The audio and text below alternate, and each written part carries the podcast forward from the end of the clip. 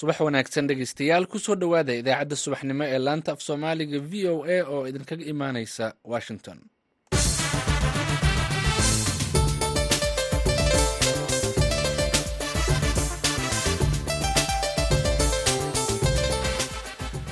Waa subax sabti ah bisha maarso waa koob iyo toban sanadka labada kun saddex iyo labaatanka. Waxaad naga dhagaysanaysaan mawjadaha gaagaaban ee lix iyo tobanka iyo sagaal iyo tobanka mitriban iyo bogga v o a somaly com. Saacadda afrikada bari waa lixdii iyo barkii aroornimo idaacadda saaka iyo caalamkana waxaa idinla socodsiinaya aniga oo ah nuur xasan nuur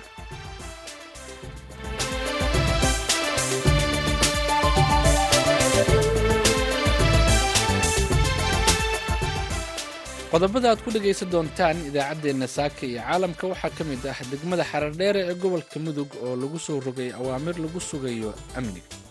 Awaamirta waxay ahayd wax marka koowaad lagu xakameynaya dhaqdhaqaaqa iyo wax kasta midaro keeni kara. Muhiimadda la ogol lahaana waxay ahayd in dadkuna nabad helaan ciidankay dadweynuhu isdhexgal sameeyaan nabadda iyo baraaraha dib loo soo celiyo waxaa kale oo aad maqli doontaan warbixin gaar ah oo ku saabsan isbedelada ku yimid dhaqamada miyiga iyo magaalooyinka soomaalida iyo qodobo kale oo caalami ah ayaan idiin haynaa balse intaas oo dhan waxaa ka soo horreeya warkii caalamka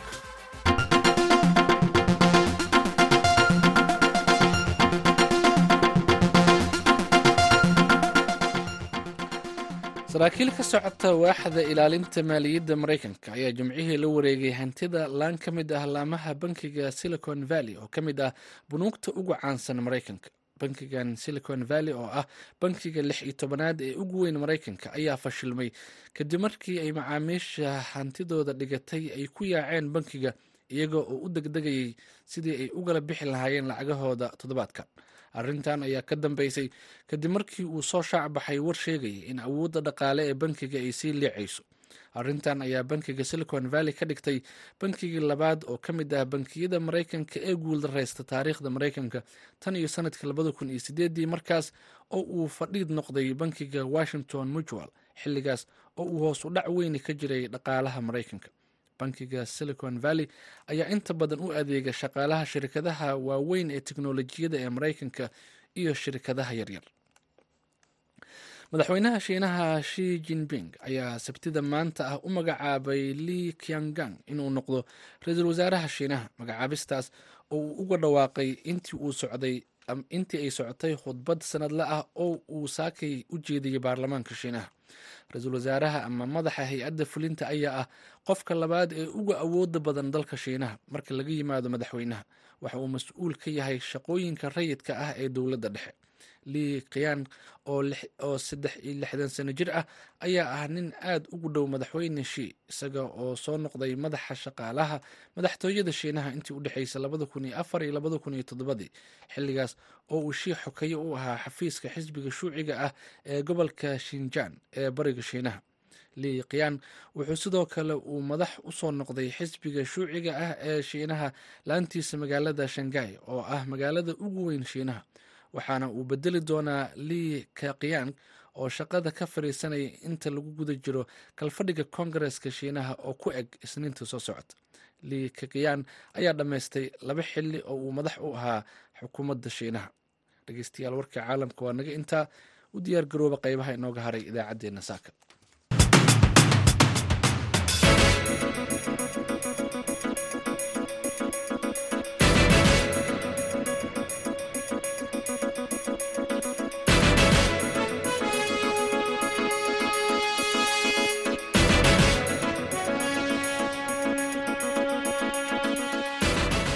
subax wanaagsan dhegeystayaal waxaad nagala socotaan v o a.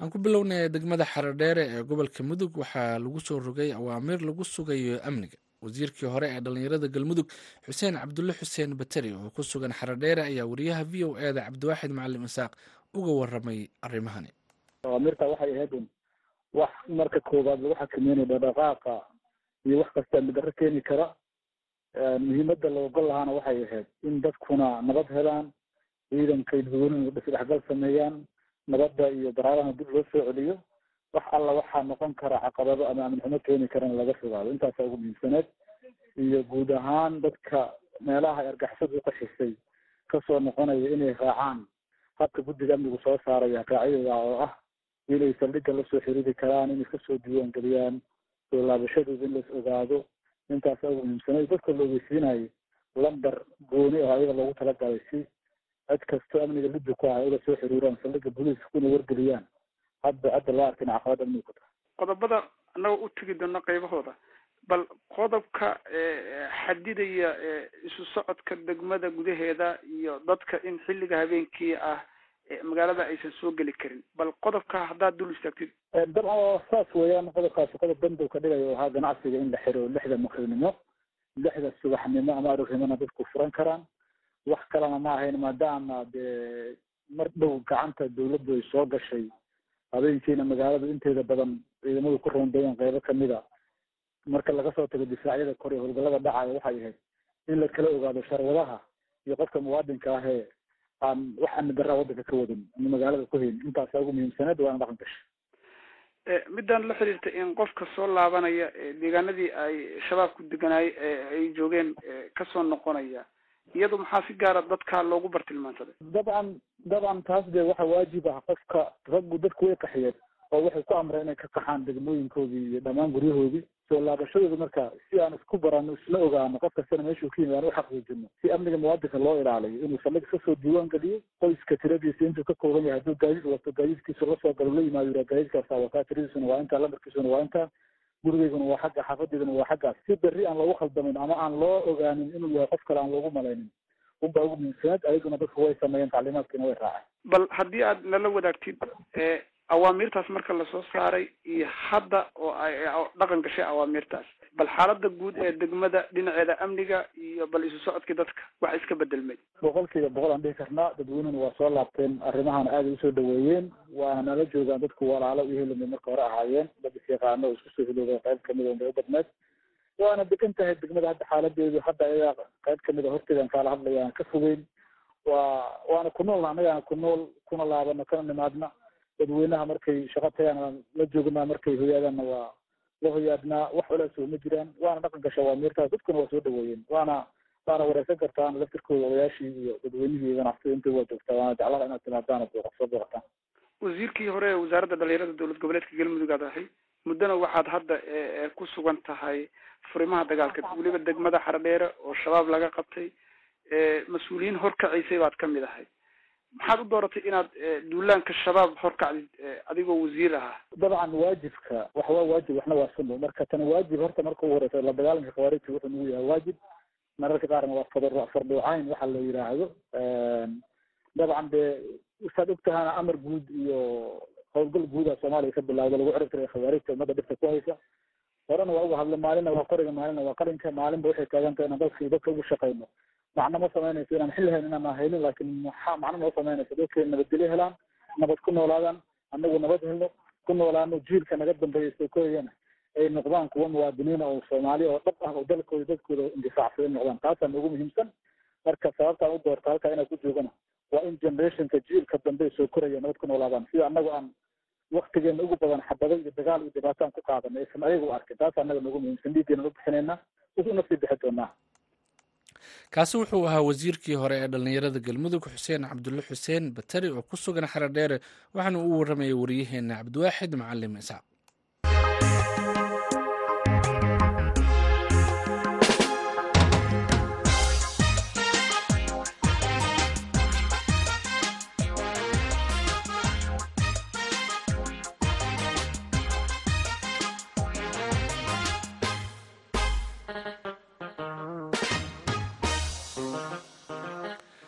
dhaqanada dadka ku nool miyiga iyo magaalooyinka soomaaliya ayaa marba marka ka dambeysa u muuqda in ay isku milmayaan. Warbixin gaar ah oo arrintan ku saabsan waxaa inoo haysa wariyaha v o e da ee boosaaso faadumo yaasiin jaamac hanaanka guurka ee qoysaska reer guuraaga ah lagu yegleeli jiray ayaa ahaa mid si weyn uga duwanaa kan magaalooyinka waxaana uu ku qotomay guurka miyigu dhaqankii soo jireenka ahaa ee soomaalidu ay lahayd iyadoo si weynna ay u quursan jireen reer miyigu inay soo minguuriyaan dhaqanka magaalooyinka ka imanaya. Yegleelidda reerka cusub sida hoygii ay degi lahaayeen.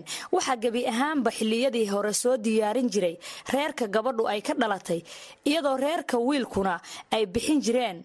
Xoolaha gabadha laga dhiibo bixinta yaradka sooryada iyo ducada. Hase yeeshee sannadahan dambe waxaa soo ifbaxaya in aroosyada miyigu ay si aada ugu ekaadaan kuwa reer magaalka sida gogosha lagu seexdo dharka la xirto cuntada iyo waxyaabaha kale ee magaalooyinku ay caanka ku yihiin. Bashiir cismaan kuranto waxa uu ka qayb galay munaasabad aroos oo ka dhacday dhulka miyiga ah ee puntland waxaana uu ka waramayaa waxyaabihii uu ku arkay. Ugu yaabka badnaayo aan ku arkay waxay ahayd qaabkii magaalada baa arooskii loo sameynayey motoor baa la qaaday fadhi carbeed baa la qaaday. Waxaa kaloo la sameeyey gabadhii waxaa loo sameeyey qaabkii gabadhii magaalada oo kaleeto. Cilaankii baa loo sameeyey taajkii baa loo xiray. Dhinacna waxaad aragtaa miyigii dhinacna waxaad ka arkaysaa magaaladii. Oo markaad dhinaca magaalada aad fiiriso dee fadhi carbeedkii iyo ubaxyadii falaawarka ah ee guryaha la dhigi jiray oo kaleeto oo meesha yaalla layrkii oo baxaya waa dhinacii magaalada ku muuqanaysa gabadhii oo taajkii saaran cilaankii uu saaran yahay. Xagga miyiga markaa eegtana waxaa arkaysaa macnaa arigii oo meeshii xoranaya waxri yaryaraa iyo riyihii oo la soo dhigaayo geelii oo la soo xiraynaya aqalkii soomaaliga ahaa oo meeshii ma garanaysaa hoygoodii hadhowdii ay geli lahaayeen u noqonaya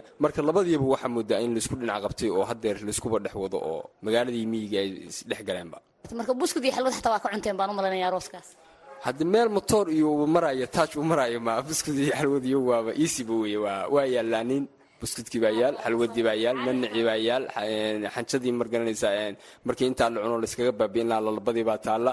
Wax ka maqan oo ma garanaysaa intii magaalada lagu qaban jiray wax ka maqan haba yaraatee qofka u baahan caani baa loo soo lisaya haddii aad u baahato iyagana caanii baa soo cabaysaa waxa weye geeli baa meesha ku xiraysan oo caanii baa la soo lisaya waaba ka cabnayba ma garanaysaa markii dadka qaybtooda ay ka cabeen meesha. Maxaa ka mid ahaa marka waxyaabihii arooskaas lagu soo bandhigay? Ciyaaraha hidiya dhaqanka miyaa lagu soo bandhigay? Ma muusig baa la ciyaaray?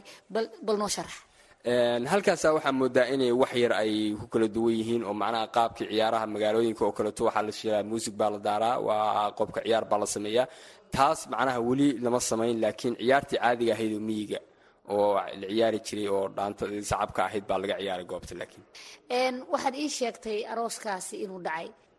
Meesha uu ka dhacay iyo sanadkay ahayd ma noo sheegi kartaa waxa uu ka dhacay nugaal buu ka dhacay. Sanadkuna wuxuu ahaa labadii kun iyo labayo tobankii buu ahaa. Waxa iyana isgaarsiintu ay sahashay. In gabadha iyo wiilka haasaawuhu ku dhex maro. Dhinaca taleefanka hawshuna ay sidii hore ka dhibiyar tahay. Wiilkiiyo gabadhii isdooni jiray oo iswaayi jiray waxaa dhacday in telefoon ay ku wada hadlaan ama gaari dharayaa qaado oo intaas gudahdiisa wada soo celiyo. Ama telefoon lagu yeero oo gabadhii meel jirta aadan garanayn. Ama guriga muxaajabad baa la jiri jirtay ee aqalkudiisa ninka kula sheekaysanayso oo ninkii mooday gabadha inay joogto marka isgaarsiimahaasuna waa jiraan. Siciid faarax cali oo ka mid ah dadka xoolo dhaqatada ah ayaa v o eda u sheegay in xilligan ay ku dhammaystiran yihiin miyiga qalabka magaalooyinka laga isticmaalo. Taasina ay tahay midda keliya ee lagu nagayn karo dhallinyarada miyiga uga soo safraya magaalooyinka si loo badbaadiyo dhaqashada xoolaha. Noloshii miyiga waxaan leenahay qayb fiican bay ka qaadatay macnaha magaaladu ka qaadatay. Waxaa la geeyey noloshii magaalada qayb ka mida baa loo raray. Fushaantii baa la geeyey waxaa la geeyey xasiigyadii baa la geeyey dharkii baa la geeyey maacuunkii baa la geeyey canjeeradii baa la geeyey suugadii baa la geeyey. Wixii magaalada lagu samayn jiray baa baa miyiga lagu samaynaya gabadhii daajashkii baa loo xirayaa sidii magaalada loogu arooso. Waxaa la seefgaraynayaa inaan miyiga laga soo cararin oo gabdhuhu magaalo iyo dhallinyaradii u soo cararin ee miyigiina laga heli karo waxyaabahay magaalada ku xiisaynay moobiladii baa la geeyey jaajaradii baa la geeyey maxaan ku rahdaye soolarkii baa la geeyey wax walba miyiga waa laga helaa maanta. Gabdhuhuna iyo dhalinyaradu maanta ku qanacsan yihiin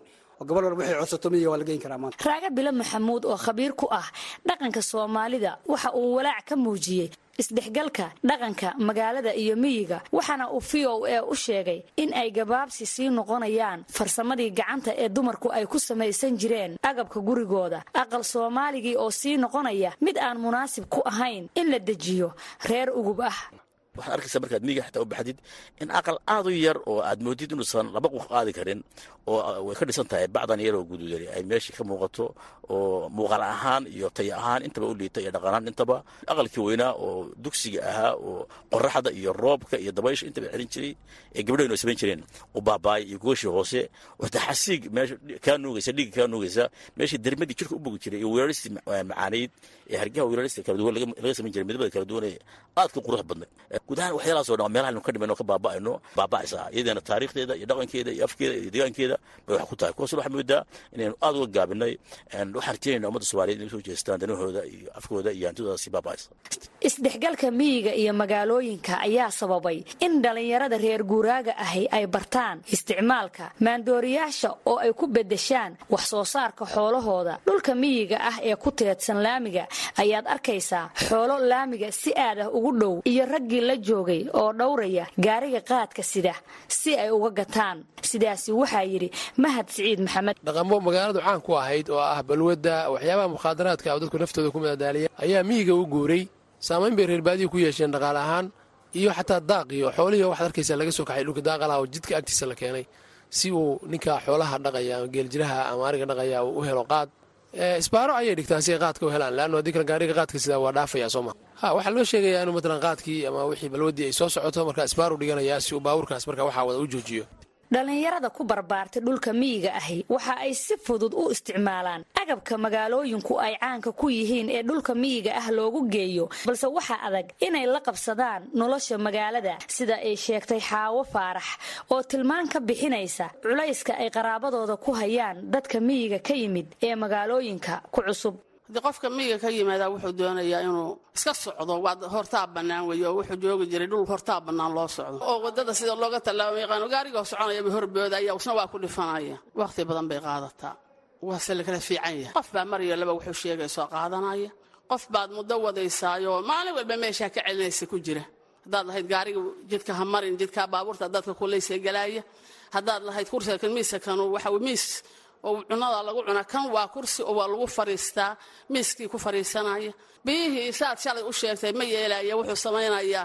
Iyagoo iska furan oo birtiiba jaban tahay baad ugu tegayso meeshay ka maqantaha waaba ku canaanaya haddaad tidhaah waxaasu kadaasaas waxaas kuma qurux badna dhib aad baa loogu dhibay siday doontaba ha ahaatee bulshada reer guuraaga ahi waxa ay ula muuqataa in ay mahadiyeen tiknolojiyada cusub ee isgaarsiinta gaadiidka dheereeya iyo guud ahaanba adeegyada ay danaynayaan ee ay magaalooyinka ka helaan.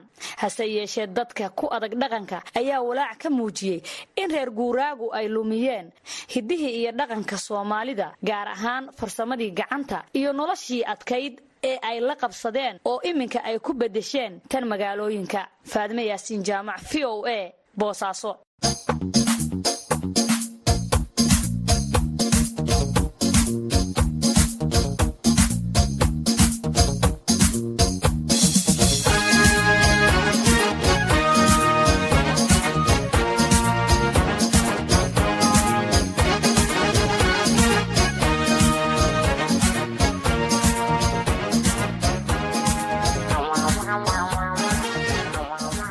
wanaagsan dhegeystayaal halka aad nagala socotaanna waa v o a. Dowladda britain ayaa sheegtay in shan boqol oo milyan oo geni ay ugu deeqayso faransiiska si looga hortago muhaajiriinta dooniyaha yaryar kaga soo gudba xeebaha u dhexeeya britain iyo faransiiska. Warbixin arrintan ka hadlaysa waxaa london inooga soo diray wariyaha v o eda ee qaaradda yurub cabdixaafid cawil ismaaciil.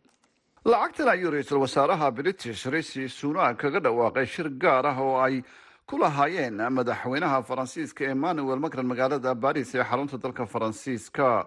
Macron ayaa isaguna sheegay inay dhaqaalahaasi wax ku darayaan. Lacagtan ayaa loo qoondeeyey shan boqol oo askari oo dheeraad ah oo hawshan ka shaqo geli doona. Faransiiska waxaa laga dhisi doonaa xarun lagu hayo muhaajiriinta socdaalkan isku dayda.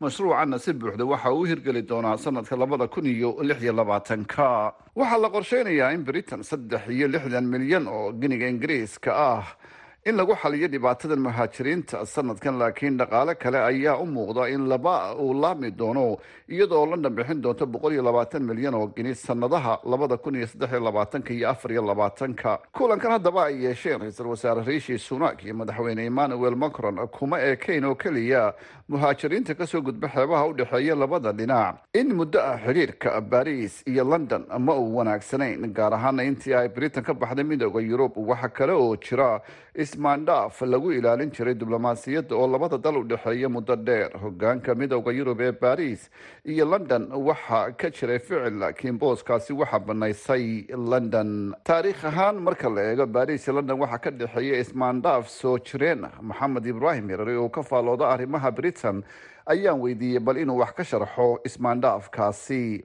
xaafidow xidhiidhka u dhexeeya ingiriiska iyo faransiisku wuxuu ahaa mid ku salaysan loolan dheer oo taariikhi ah. Loolankaasoo markii hore la xidhiidhsanaa xukun iyo adigu boqortooyo ay ku dagaalamaan. Markii dambena adigu laga soo bilaabo qarnigii lix tobnaad waxa uu yeeshay weji diiniya. Kabacdi markii ay dowladda amin ingiriisku uu ka baxay madhabtii katoliga ee uu qaatay madhabta protestanka ee kiristaanka waxaa jiray dagaallo soo dhex maray boqolaalkaa sannadood ingiriiska iyo faransiiska dagaaladaasoo ay ka mid ahaayeen kii boqolka sano midkii la odhan jiray dagaalkii toddobada sano kuwii la magac baxay dagaaladii naboleon wakhtigii boqorka uu ka ahaa naboleon faransiiska ka talinayay waa qarnigii sagaal iyo tobnaad laakiinse heshiiskan saaxiibtinimo ingiriiska faransiiska dhex yaallaa wuxuu soo bilaabmay uun bilowgii qarnigii labaatanaad kun sagaal boqol iyo afartii. Markaasoo ay kala saxeixdeen heshiiskan la yidhaahdo ontont cordial oo la saxeixay kun sagaal boqol iyo afartii. Kaasoo lagu xusay boqol guuradiisii isagoo madaxweynihii faransiiska ee wakhtigaasi shak shirak uu booqasho rasmiga ku yimid waddankan u k iminka dhibaatada ugu weyne dowladda rishi sunak haysataa waxa weeyaan in wax laga qabto dadka soo galootiga ka soo tallaabaya faransiiska ee soo gelaya england kaasoo dowladda england ay markii horena ku bixisay lacag lixdan milyan sannadkii hore maantana la sheegay inay bixin doonto shan boqol oo milyan si wax looga qabto dadkaas oo galootiga imanaya waddankan madaxweyne macron ayaa kulankan ku tilmaamay xilligii isu soo dhowaanshaha ra'iisul wasaare sunak ayaa isaguna sheegay in la gaadhay xilligii labada dal samaysan lahaayeen xidhiir cusub sidaasise ma tahay.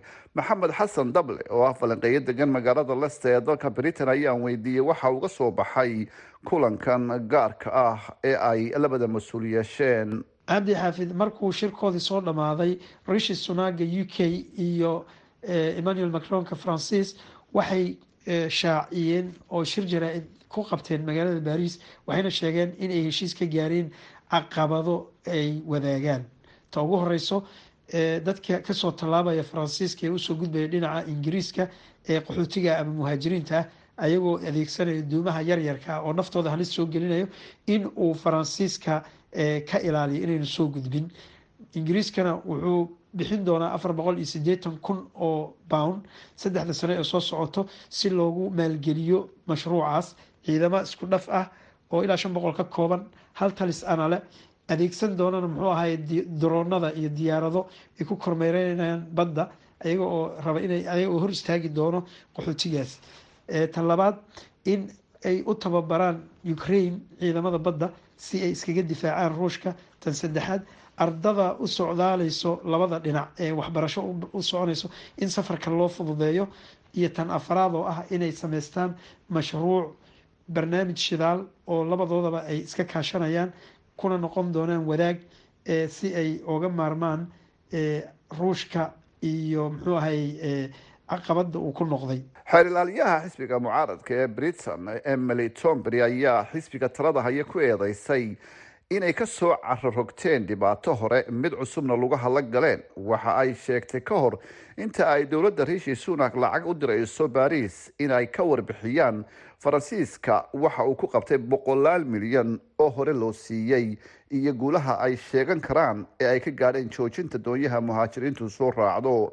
Xidhiidh dhow oo ay yeeshaan baris iyo london waxay u muuqataa inuu weli yahay dhado aan biyo lahayn in la xaliyo muhaajiriinta doonyaha yaryar ku soo gudba waxa ay u baahan tahay qorshe istaraatiiji ah oo ay labada wadan ka wada shaqeeyaan. Riishi sunak oo xafiiska britain aan ku iman cod dadweyne ayaa doonaya inuu doorasho horteed sii dhaliyo goolal uu ka dhowto ku ololeeyo sida muhaajiriinta iyo heshiiska waqooyiga ireland iyo yurub. Dadweynaha britain mase ku qancin doonaa wakhtiga ayaa sheegi doona cabdixaafid cawil ismaaciil v o a london.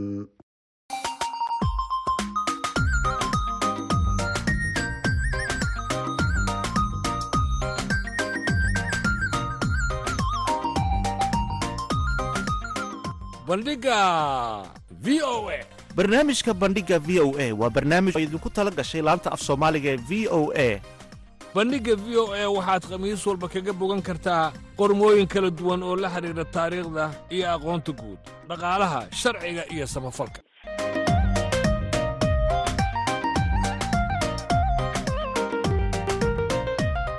Haddii aad rabto inaad wax ka ogaato taariikhda dunida iyo aqoonta guud ha moogaan bandhigga v o a. bandhiga v o e kala soco laanta af soomaaliga ee v o a maalin kasta oo khamiis ah